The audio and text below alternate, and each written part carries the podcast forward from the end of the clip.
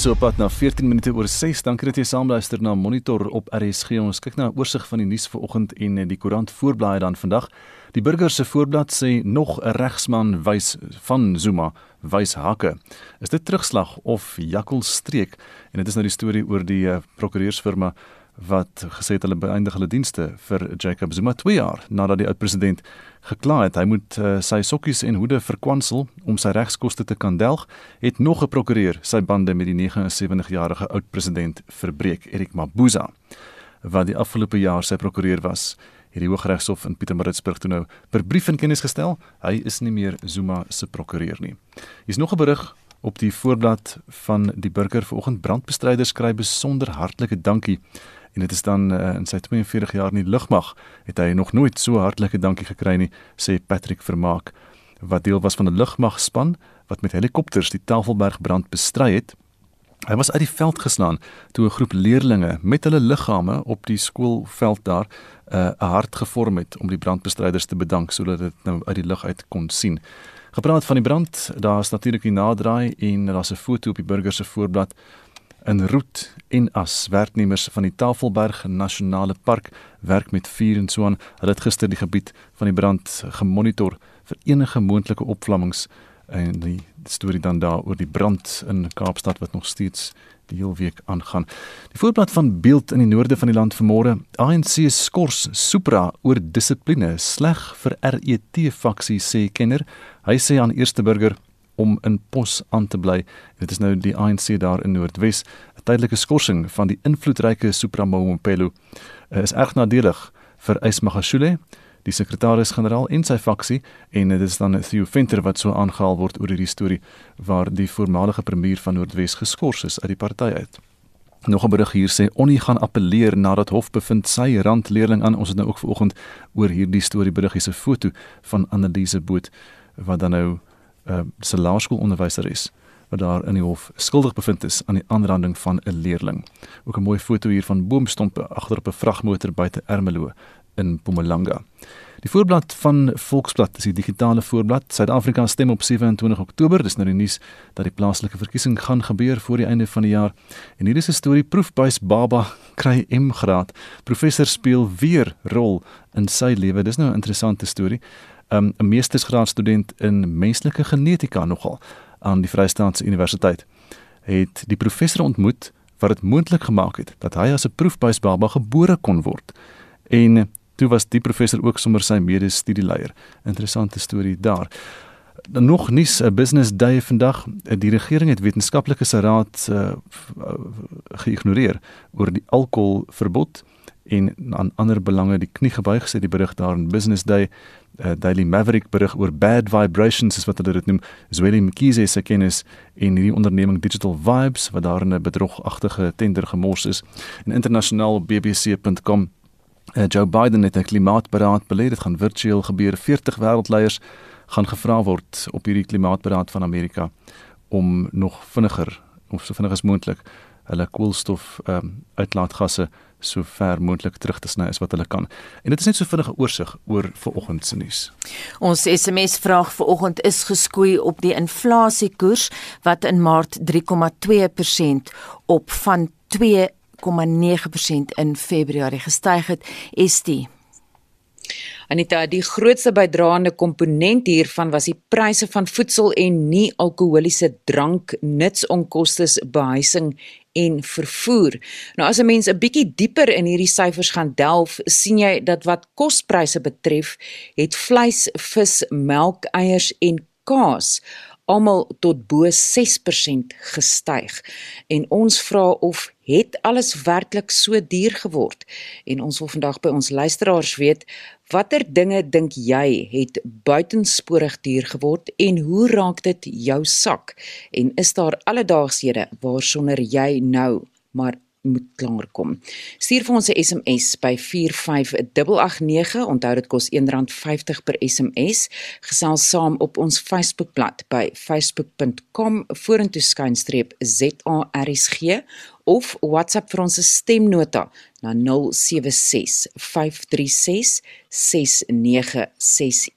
En ons het ook reeds terugvoer ontvang en Bets Ferreira sê Eiers het vir haar baie duur geword van R39 vir 30 tot R67 in 3 maande en vleis en ander varsprodukte soos tomaties, asperges en avos.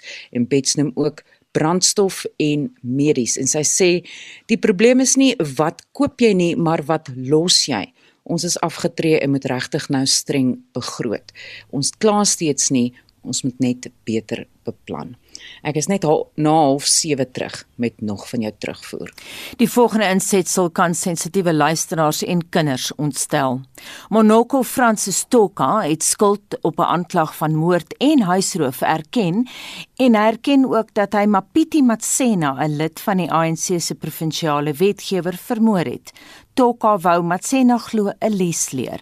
Hy is 2 dae na die moord in Julie verlede jaar op die dorp Gamarikana waar hy en Matsena groot geword het in hegtenis geneem. Lila Magnus het meer. Die lid van die ANC se provinsiale wetgewer in Gauteng, Mapeti Matsena, is 11 keer met 'n mes gesteek terwyl sy vrou in dieselfde kamer onder 'n kombers gelê het. Die aanvaller, Monoko Francis, Toka, 'n man wat van dieselfde dorpie as Matsena kom en wie Matsena gehuur het om na sy gestremde seun om te sien. Toka het die gebeure wat aanleiding tot die aanval gegee het in sy pleitverduideliking uiteengesit. Hy sê hy en Matsena het in Januarie verlede jaar 'n woordewisseling gehad. Daarna meen hy het Matsena hom nie met respek hanteer nie en het hy besluit om te bedank. Volgens Toka het Matsena egter geweier om al sy persoonlike eiendom aan hom terug te gee. Toka beweer ook Matsena het nie sy salaris volledig betaal nie. Dit het tot 'n fisiese geveg tussen die twee mans gelei en Toka het 'n saak van aanranding teen Matsena aanhange gemaak. Die saak is egter teruggetrek sonder Toka se medewete. Hy sê hy het gevoel of hy geminag word en besluit om Matsena te steek om hom 'n les te leer. Die 30-jarige Toka sê die aand van 15 Julie verlede jaar het hy toegang tot die huis gekry deur 'n buitedeur in die hoofslaapkamer wat hy geweet het nie kan sluit nie.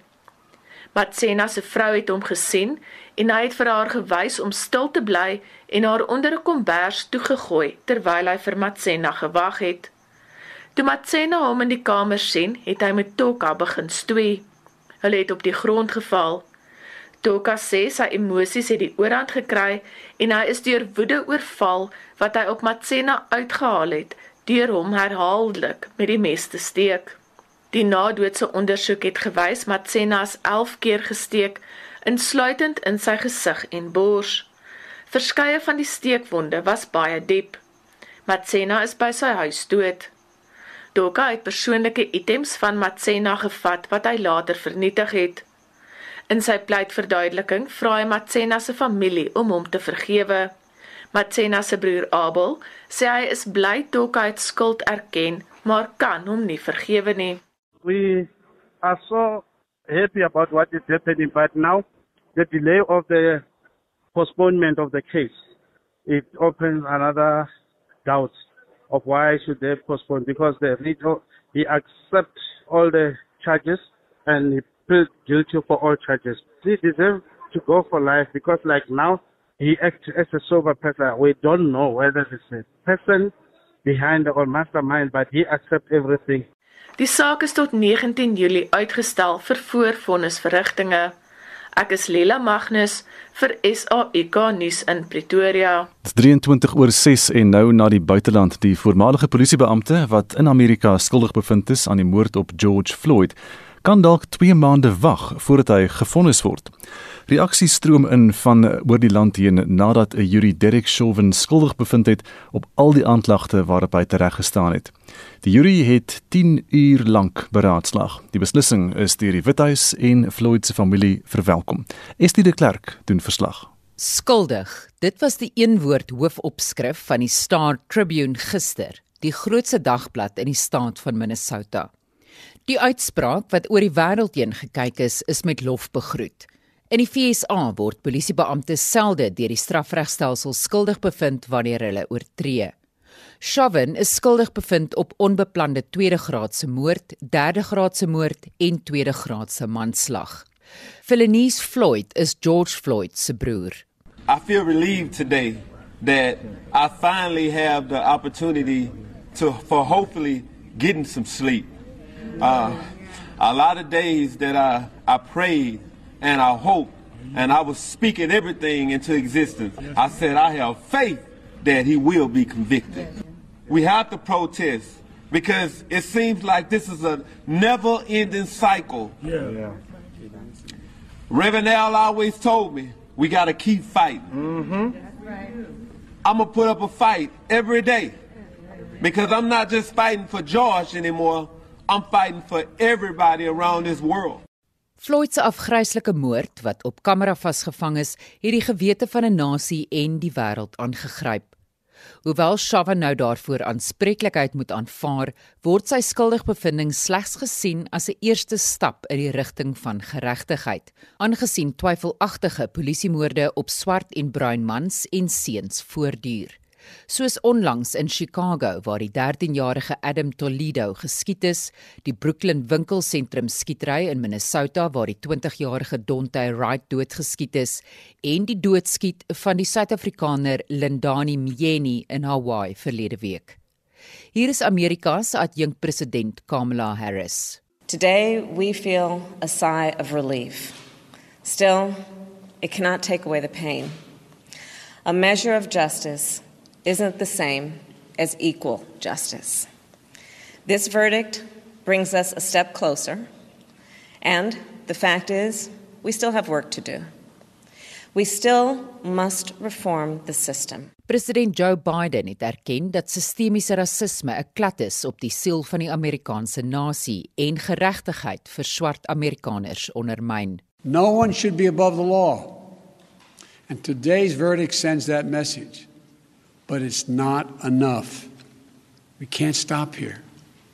In order to deliver real change and reform, we can and we must do more to reduce the likelihood that tragedies like this will ever happen and occur again. To ensure that black and brown people, or anyone, so they don't fear the interactions with law enforcement, that they don't have to wake up knowing that they can lose their very life in the course of just living their life. Talle mense wat buite die hofgebou saamgedrom het, stem saam. I'm proud that he got uh he got convicted of all charges, but I want to look at this picture.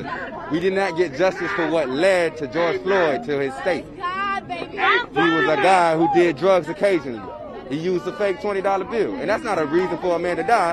But we have to build a system which uh, provides for each and one of us, no matter what skin color or work, working class, what class we come from, or what skin color we have. And now we're looking to justice for Breonna Taylor. We're looking to justice for Dante Wright. We're looking to justice for Tamir Rice because black people do deserve justice. And this is a message to every little black child coming up that your life matters. And if your life is taken at the hands of the state, there will be consequences. And I hope every killer cop is watching and paying attention. Die voormalige Amerikaanse president Barack Obama het getweet dat terwyl die jury reg laat geskied het, verg ware geregtigheid soveel meer. Die verslag is saamgestel deur Sherwin Bryce Peace in New York en ek is Estie de Klerk vir SAK nuus. Internasionale terreurkenners is bekommerd oor Washington se besluit om militante in Mosambiek wat hulle met ISIS verbind tot 'n buitelandse terreurorganisasie te verklaar. Dit gee die FSA die opsie om die ekstremiste en hulle ondersteuners in hegtenis te neem en te vervolg asook om op hulle bates beslag te lê. Darren Taylor het meer. Yusuf Adam, 'n geskiedenisprofessor by die Universiteit van Eduardo Mondlane in Maputo, het Cabo Delgado gereeld besoek sedert die aanvalle deur die ekstremiste in laat 2017 begin het. Sedertdien sê die Verenigde Nasies is amper 3000 mense in die geweld dood en sowat 700 000 dakloos gelaat. Die militante wat hulle self ook Al-Shabaab noem, sê hulle veg vir meer regte en beter behandeling deur die Mosambiekse regering vir die mense van Cabo Delgado. Maar hulle is besig om die plaaslike mense wreed te behandel. Ten spyte hiervan sê Adam is Washington se verklaring van die ekstremiste as buitelandse terroriste organisasie onnodig. And the way to solve these problems for me is through discussion, negotiation, changing policies, etc. And I'm afraid that if we go into this kind of blacklisting, etc., we will be cut from the possibility to organize some kind of negotiations. Baie ontleeders is van mening die Amerikaanse regering se optrede gee stiekrag aan die militante en hulle sal toelaat om te sê die Amerikaners victimiseer hulle wat waarskynlik die gevolg gaan hê dat baie rekrute van dwars oor Afrika Mosambiek binne gaan stroom om 'n jihad of heilige oorlog teen die FSA te veg. Adam Warski dis in Maputo se belang om Washington se verklaring van die ekstremiste as BTO te gebruik om die situasie te militariseer. I don't believe in a military solution. And as soon as this declaration was done, some Mozambican leaders said, aha, now we are going to show these uh, bandits in the bush what is going to happen to them. Adam sê Cabo Delgado word nie deur buitelandse islamitiese terroriste binnegeval nie, soos wat die Mosambiekse regering die wêreld wil laat glo. They kill young people, they cut uh, their heads, which is true. They rape women, they take the girls from the villages, that's also very true. But at the same time, some people in the army violate uh, human rights, but also international private companies. Hy sê die toename van Islamitiese staat loyaliste in Cabo Delgado is as 'n direkte gevolg van die feit dat die regering vir die provinsie en sy mense vir dekades lank verwaarloos het en die militante trek voordeel hieruit.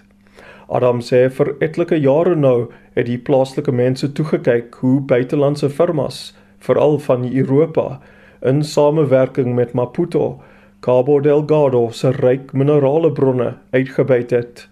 Hulle het petroleum, natuurlike gasse en die wêreld se grootste deposito's van pink safiere en rubyne ontgin. Terselfdertyd sê Adam word niks gedoen om die lewens van die arm inwoners van Cabo Delgado te verbeter nie. Maar voeg hy by, daar spruit ook positiewe ontwikkelinge uit as gevolg van die FSA se BTO verklaring, soos die teenwoordigheid van 'n groep Amerikaanse militêre raadgewers. There has been a disinvestment in the army and one needs an army which is capable. We have very good soldiers, we have very good men who have to be really trained and an institution has to be built in the sense that it allows them to reply to the situation where we are. Hy sê dit is duidelik dat Mosambiek se veiligheidsmagte opleiding nodig het en hy verwys na die woorde van 'n soldaat in Cabo Delgado met wie hy onlangs gepraat het. Uh, we have problems because you know we belong to the army and the other guys who are operating in the area belong to FIR which is the special forces of the police so many times we shoot each other Nog 'n goeie aspek van Washington se besluit, sê Adam, is dat dit internasionale hulporganisasies se aandag op die situasie in Cabo Delgado gefestig het. Ek is Darren Taylor in Johannesburg. Is dit ons praat ver oggend oor inflasie, wat sê die luisteraars? Anita Launa Lambreg skryf vir ons die gemiddelde prys van my weeklikse trolly kos en goedere vir ons gesin van 4 het maklik met 25 tot 30% gestyg in vergelyking met 'n jaar gelede. En Stefan Enrico sê 'n kilogram wors wat in Januarie R79 per kilo gekos het, is skielik nou R94 per kilo en 1 liter langlewe melk het gestyg van R11.99 tot R16 99 en Elise Burger North laat weet ek en my man is Sassa pensionarisse en met die verhoging wat ons gekry het kan ons niks doen nie. Ons het besluit om nou maar net elke tweede Sondag kerk toe te gaan en ons sel bymekaar kom groep op 'n Woensdag heeltemal te los. Ons kan net ry as dit bitter nodig is. En Anet Roo laat weet vir ons brandstof is die oorsaak van die stygings. Alles moet vervoer word en elektrisiteitskoste het ook in April gestyg en dit is alles dinge wat nodig is om voedsel te produseer en te versprei. En dan sê Johan Oberholzer, begin om direk by ons boere produkte aan te koop. Ek het hoenders teen R35 per kilogram. Ons praat vandag oor die inflasiekoers wat gestyg het en kospryse, veral soos vleis, vis, melk, eiers en kaas wat tot bo 6% gestyg het. En ons wil by jou weet, hoe raak dit jou sak en is daar dalk alledaaghede waarsonder jy nou moet klaarkom? Stuur vir ons 'n SMS by 45889 teen R1.50 per SMS. Gesels saam op ons Facebookblad by facebook.com vorentoe skynstreep ZARSG of WhatsApp vir ons stemnota na 076 536 6961. 21 voor 7 en ons beweeg na die sportveld met Shaun Jooste. Ons begin met rugby nuus. In vandag se vierde ronde van die Waasde beker reeks in Swane speel die Noordwes Arende 2 uur teen UWC en die CUT Axios 4 uur teen Wits. Dit is op Tikkie se B-veld. Die UCT Axios draf 3 uur teen die Shimlas, UJ 5 uur teen die Madibas en Tikkies vanaand 7 uur teen Maties op die veld uit. Die drie wedstryde vind op Loftus plaas.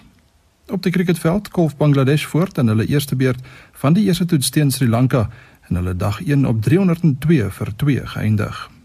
Pakistan het Zimbabwe gister in die eerste wedstryd van hulle T20 reeks met 11 lopies geklop. En in die EPL reeks het die Chennai Super Kings met 18 lopies teen die Kolkata Knight Riders gewen, terwyl die Sunrisers Hyderabad die eerste oorwinning van hulle seisoen behaal het, toe hulle die Punjab Kings met 9 paaltjies afgeronsel het. Die Royal Challengers Bangalore en Rajasthan Royals pak mekaar vanmiddag 4uur. Sokker. In gister se DStv Premier Liga wedstryde was die telling 0 elk tussen AmaZulu en Mamelodi Sundowns en ook tussen Black Leopards en Stellenbosch FC. Kaizer Chiefs het 2-1 teen Cape Town City en SuperSport United 1-0 teen Golden Arrows verloor. Die Afrika Konfederasies beker wedstryd tussen Orlando Pirates en SCT van Algerië kon ook geen doele oplewer nie. Pirates skort nog net 1 punt van 'n laaste groepswedstryd om na die uitklopfase deur te dring. In die Engelse Premier Liga het Tottenham Hotspur 2-1 teen Southampton en Manchester City ook 2-1 teen Aston Villa geseëvier. Leicester City speel vanaand 9uur teen West Brom. In die Serie A in Italië meet Roma vanaand 07:30 teen Atalanta en Napoli kwart voor 9 teen Lazio kragte. En laastens op die golfbaan het die Amerikaner Jessica Korda op 7 onder die voortou na die eerste ronde van die vroue Los Angeles Ope geneem. Suid-Afrikaanse Ashley Buy is gelyk aan die baansyfer. Die plaaslike Caitlin McNabb het haar goeie vertoning op die vroue sonskynreeks voort en is die voorloper na die eerste ronde van die Supersport uitdaging by Sun City en staan op 3 onder. Sy het verlede week se Jabra Classic met 8 houe gewen. Die Zurich Classic van New Orleans, 'n spankompetisie, slaan vanmiddag 2 uur in Avondale, Louisiana af. Suid-Afrika se Louis Oosthuizen en Charles Schwartzel is spanmaats. Dylan Fratelli, die Amerikaner Kevin Streelman in sy kamp, Brandon Grace en Harold Warner ook van die FSA het 'n span gevorm en Erik van Rooyen en nog Amerikaner Wyndham Clark sal mekaar geselskap hou. Daar is sewe Suid-Afrikaners wat aan die Ope in Spanje gaan deelneem. Dit sluit Dean Burmester, Justin Harding, Zander Lombard en Justin Walters in. Dan is daar ook heel wat groot name by die Limpopo Kampioenskappe in Modimolle in aksie. Dit sluit die verdedigende kampioen JC Ritchie, Darren Figart, Wilco Ninaber, Jacob Prinsloo, Brandon Stone en Daniel van Donder in. Shaun Schuster, SAK Sport. Dis nou 6:41. Welkom by Monitor. Melkbore se voerpryse het met 20% van Januarie afgestyg, maar melkpryse in die winkels het nie dieselfde patroon gevolg nie. Hoe nou gemaak? Twee rolspelers in die landboubedryf, die ekonom Dawie Maree en die hoof van Oakland, 'n maatskappy wat boere se melk aankoop, prosesseer en herverkoop, Ian van Niekerk, het die antwoord in ons praat nou met Ian. Goeiemôre. Goeiemôre. Wat is julle oplossing, Ian? Man, daar seker nou nooit 'n antwoord vir 'n oplossing nie, maar ons probeer. Dit is hoekom ons um met julle praat is dat ons sal al ons boere is al op 'n baie hoë effektiewe platform en uh, ons het graag 'n voorstel gemaak dat daar 'n uh, universele program sou wees waar die inligting versamel kan word en dat ons boere kan sien waar en op watter afdeling hulle nie 100% effektief is nie dat hulle dit kan effektiewer maak en dan natuurlik is die belangrikheid van kommunikasie tussen die supermarkte en die boere of die boereorganisasies wat die boere verteenwoordig is baie belangrik wat ons op hierdie stadium nie het nie. Praat julle nou van 'n aanlyn situasie? Hoe presies gaan dit werk? Want ons het um, die gedagte wat ek met Dawie bespreek het is is 'n uh, 'n tipe van 'n van 'n applikasie wat boere hulle inligting invoer en dat ons 'n formaat kry dat almal hulle kostes op dieselfde formaat invoer en dat dit as 'n presentasiepunt uitgewerk word van hulle inkomste van hulle melk vir die maand. Dit wil sê dat een boer wat groot is en een boer wat klein is, is alles op 'n presentasiepunt so sy sy fiatskostes byvoorbeeld op 'n presentasiepunt so die groot en die kleintjies en so dan dieselfde wees. En dan kan hulle met mekaar vergelyk en dan as hierdie inligting ehm um, nou iemand soos die na president organisasie toe gestuur kan word dat hulle dit kan verwerk en dan gemiddeld kan kan publiseer dat die boere hulle self kan meet in 'n publikasie en dan kan sien in watter afdeling of by sy kalfvoer of by sy verse of by sy droë koeie waar waar hy oorspandeer en dan kan hy van kers opsteek by sy medeboere wat miskien nie die probleem het. Op hierdie stadium het hulle geen indikasie van wat is die die vlakke van waar hulle kostes moet lê nie. Mhm. Mm en die platform gaan aanlyn wees, sê net weer prakties, hoe gaan dit werk? Ek het dit is dit is maar net eenvoudig dat dit 'n 'n inligting um wat wat wat gevang moet word en dan gestuur moet word. So ons ons kyk na 'n app in in New Zealand, dis hulle klaar besig daarmee. Um maar dit kom uit 'n ander rigting, dit kom van die finansiële rigting van banke af wat wanneer as baie meer melkbore wat wil daai inligting hê om te kyk hoe effektief hulle boere is en dan daarvan af kan finansier. So ons gedagte is om die applikasie te laat skryf en um dan dat by elke boer te kry dat hy dan nou elke maand sy kostes dan invul en dan nou in die applikasie het hy outomaties uh koneksie na jou na jou um boere organisasie soos die NPO of die NAC is die bereik is om daai om daai uh, verantwoordelikheid te vat en dat dan te verwerk alles elektronies natuurlik en dan nou dan nou gemiddeld te kry ons wil dit ekstra ons wil dit eintlik moet doen volgens streke mm -hmm. want ehm um, ek kry jou suidkaap kry jy baie meer dat ehm uh, diere wy. So jou kos is is totaal en al anders hulle hulle bespandeer byvoorbeeld baie meer op elektrisiteit want hulle spuit die gras nat terwyl ons in die Weskaap voer boere voer die ehm um, ons boere voer die koeie ehm um, van die oggend tot die aand maksimum uitvoerbakke uit hulle loop hier rond nie hulle hulle brand energie nie so dit is totaal en al verskillende produksie ehm um, weergawe is. So ons sal per streek dit moet doen dat jy per streek kan gemeet word, maar dit sal ook dan vir jou supermarkte indikasie gee dat as jy op die tafel moet hulle sit om te sê dit is wat dit kos om melk te produseer want daar's 'n daar's 'n leemte in ons bedryf dat die supermarkte is nie bewus wat dit kos om melk te produseer nie en dat hulle maklik melk invoer wat gesubsidieer is in die buiteland en dit dan net verder vir ons onder druk sit. Mm. Nou jy en Dawie Marie het baie nou saamgewerk. Jan, met wie het julle nog gekonsulteer? Gekonsulteer?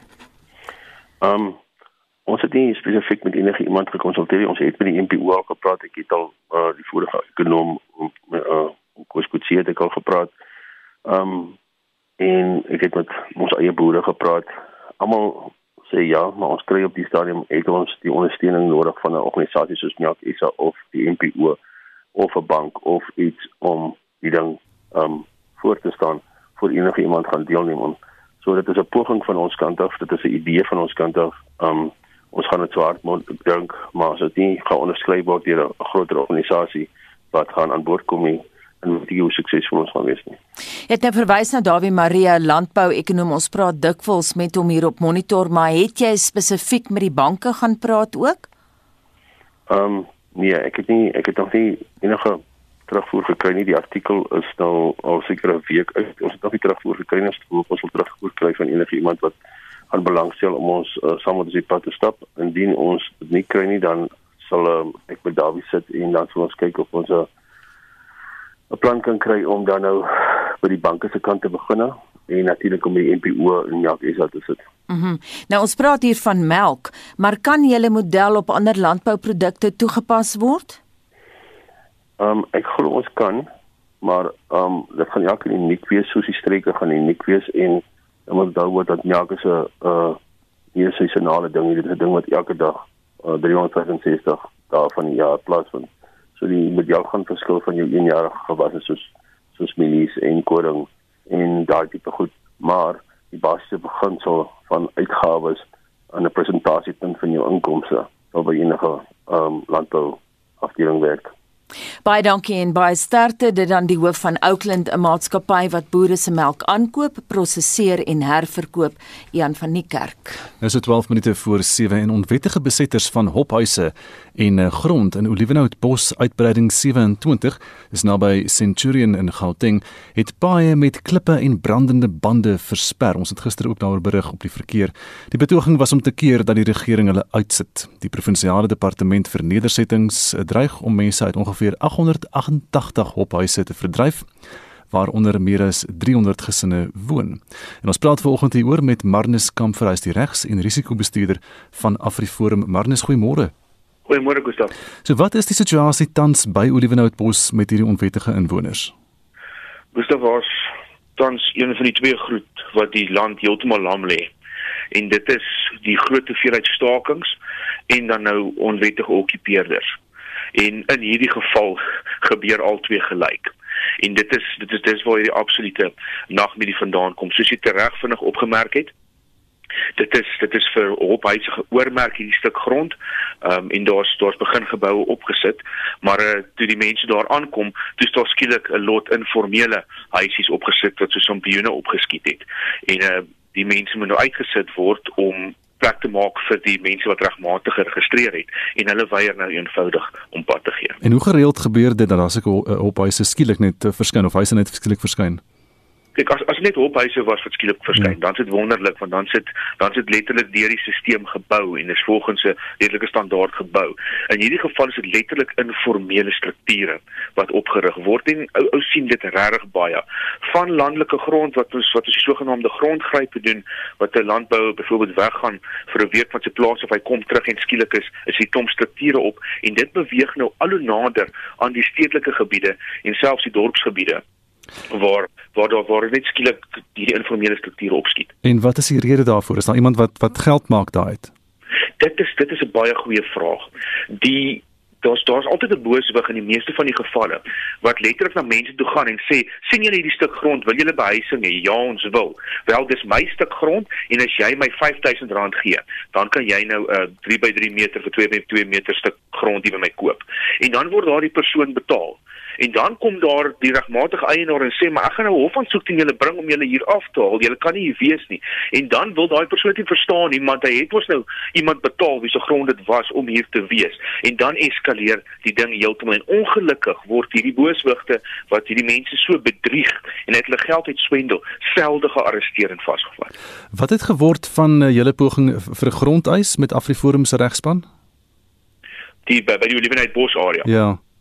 Daarso is kyk ons met onderskei tussen die die grondeis self en hierdie onwettige okkupasie. Die grondeis en dit is dis ongelukkige frustrasie. Ehm um, dit word tans as 'n loterykaartjie gebruik deur baie mense as ek dit so kan stel. Want daar word sporadies ehm um, eise lukraak in die land ingestel op verskeie plase, verskeie dele van die dorpe, uh, waaronder hierdie Centurion deel.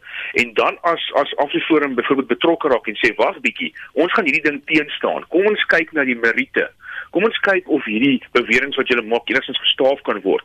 Dan raak dit doodstil. Maar ons gaan nog steeds voort om daardie ding te dryf. Ongelukkig vat dit verskriklik lank want ons moet nou daai meriete in die hof kan aanvat as dit uiteindelik daarin verwys word. En daarvoor is baie sterk deskundige getuienis nodig wat wat regtig dik dokumente en verslae moet saamstel. En uh, ons het verskeie deskundiges aangestel daarvoor en die advokate en selfs professors is besig daarmee. So ons is nog hard in die werk daar. Wat moet nou intussen gebeur dan met die gesinne wat in die gebied gebly het in Olivenhoutbos? Ag, oh, dis nou dit is nou verdere frustrasie. Daar is al hofbevele byvoorbeeld verkry in 2018 om van hierdie mense uit te sit en weg te neem. Maar ongelukkig vat die owerhede te lank om dit te laat realiseer.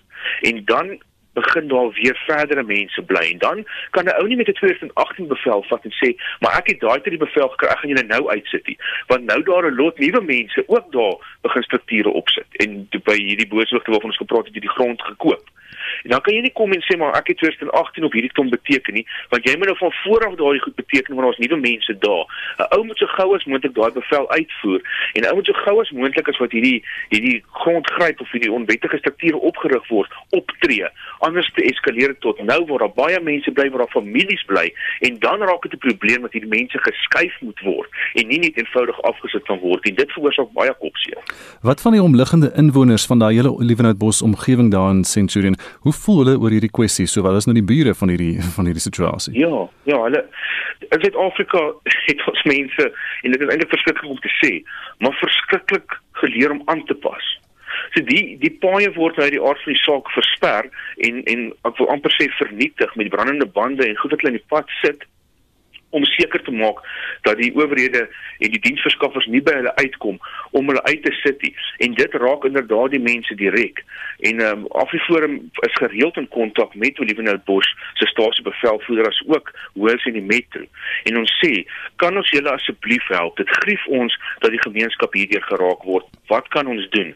En uh, hulle vra ons hulp van tyd tot tyd en uh, baie keer sê hulle hulle het ding onder beheer, maar ek moet ook noem dat dit dat dit nou baie minder geeskaleer as wat dit was. Dit is nou net 'n klein groepering wat rondhardloop en mense aanhits en laat weer opvlam, maar dit is al baie beter as wat dit was. Is die situasie so dat dit moontlik die waarde van eiendom in die gebied raak? Dit sal verseker want almal weet net van hierdie Olivenhoutbos aangesien almal kan almal kan sien wat daar aangaan. En mense gaan eenvoudig nie belangstel om daar te bly nie. Hoekom sal jy wil gaan bly by 'n plek wat jy weet paal getuister word met hierdie soort optogte? Dit is soos jy sê baie sleg vir daardie spesifieke omgewing en ons dit is hoekom ons so gereeld met die polisie en die metro in kontak is ons wil regtig graag help vir ons kan, maar ons kan nie alleen daarin hardloop en besluit ons gaan nou in hierdie onluste hanteer nie. Dit is ongelukkig nie hoe dit werk nie. Ons moet dit in samewerking met die polisie doen. En ongelukkig by hierdie soort stakings die ehm um, ek wil amper sê die die die pops eenheid van die polisie hmm. is die enigste eenhede wat hierdie mag hanteer en hulle is so oorwerk en hulle het nie die regte uitrusting nie en hulle is eenvoudig moeg. So as hulle vir ons sê kom help, al gee hulle net vir ons 'n bietjie water of kos. Ons bied gereeld ligsteun in sulke sulke operasies. So enigiets wat ons kan doen help ons met die grootste liefde. Marnus baie dankie. Dit was Marnus Kamfer as die regs- en risikobestuurder van AfriForum. En van Pretoria na die moederstad, die Suid-Afrikaanse Kaapse Korpsforum het by die parlement betoog en geëis dat die regering hulle veterane voordele moet betaal. Die korps het 'n lang geskiedenis en het hulle self in onder meer die Eerste en Tweede Wêreldoorloë as deel van die Suid-Afrikaanse magte onderskei. 'n Betoging vir geregtigheid en teen 'n persepsie van ongelykheid. Voormalige lede van die ontbinde weermageenheid, die Kaapse Korps, eis dat daar veterane voordele aan hulle toegeken word. In die Tweede Wêreldoorlog was ongeveer 23000 lede van die SAKK deel van die Suid-Afrikaanse magte. Volgens diegene wat teruggekeer het, is hulle deur die destydse regering eiendom beloof. Hulle is egter ontbind en sonder vergoeding huis toe gestuur. In 1994 is die eenheid by die nuwe SANW ingelyf en die naam is verander. Die SAKK sê egter dat hulle nooit as deel van die integrasie beskou is nie. Hulle sê die wet op militêre veterane van 2011 wat voorsiening maak vir vergoeding vir militêre veterane wat aan diens beseer is, bied nie toegang tot gesondheidsorg, opvoeding, opleiding en pensioen nie. Die administrateur van die SAKK, Avril Hendricks, sê dat hulle geen regeringshulp ontvang het nie. The sad thing about this is that all of us that is standing here today, we've got our force numbers. So it's supposed to not to be a very difficult thing. But a lot of us when we do the application, they cannot find our service records. They cannot find this, they cannot find that or there's a problem with that or you must go to home affairs on your own. Die organisasie het regshulp gekry. Hulle regsadviseur, Tim Dunn, sê die regering moet sy grondwetlike verpligtinge nakom. They have a right in terms of the Military Veterans Act of 2011 to benefits, the benefits as defined in the Act, as well as certain benefits apply to dependents of veterans. And that Act also gives effect to constitutional obligations that the government has to simply treating veterans equally, to giving veterans benefits. And it's also notable that other veteran formations have been experiencing the same issues. Die militêre veterane hoop egter dat die saak buite die hof geskik kan word. Hierdie bydra van Karmel Loggenberg Roberts in Kaapstad en ek is Hendrik Martin vir SAK nuus. Estie Christo Latsky sê ons koop amper nooit meer tomaties nie. Dit is vir my net belaglik duur. En 'n luisteraar sê ek weet nie meer wat om te eet nie. Grommetjie botter, konfyt en margarien is nou te duur en vleis is nie meer 'n opsie nie. Ek kom uit vir 2 en 'n half weke met eet en dan eet ek verder net plat brood. Ek verloor elke maand so 800 gram gewig. George Jacobs van Beaufort West laat weet, my vrou en ek trek baie swaar. Ons toelaat is hopeloos te min om deur die maand te gaan. Alles is op. Ek daag enige iemand uit om met 1890 rand te probeer oorleef. En Gwyneth Holtzhausen skryf: "Sal maar moet begin om 'n groentetuin te skoffel en saad te gooi en 'n paar hoendertjies aan te skaf vir eiers." En John laat weet: "Ek koop direk, ek koop direk by boere, supermarkte is net te belaglik." Met hulle pryse. En Atidai Willem Kourant sê knoffel het vir hom baie duur geword en Barend van der Merwe sê kaas is vir hom onbekostigbaar. Ek is net so na 08:30 terug met nog van jou terugvoer hou aan om vir ons te laat weet wat het vir jou onbekostigbaar duur geword en wat kan jy nie meer bekostig nie. Ons het onlangs op monitor gepraat oor hoekom tomaties juis nou so duur is, maar dit klink nou 'n goeie idee om regstreeks by die boere te gaan koop. Dit bring ons by 7uur en Gustaf sit gereed met die nuus.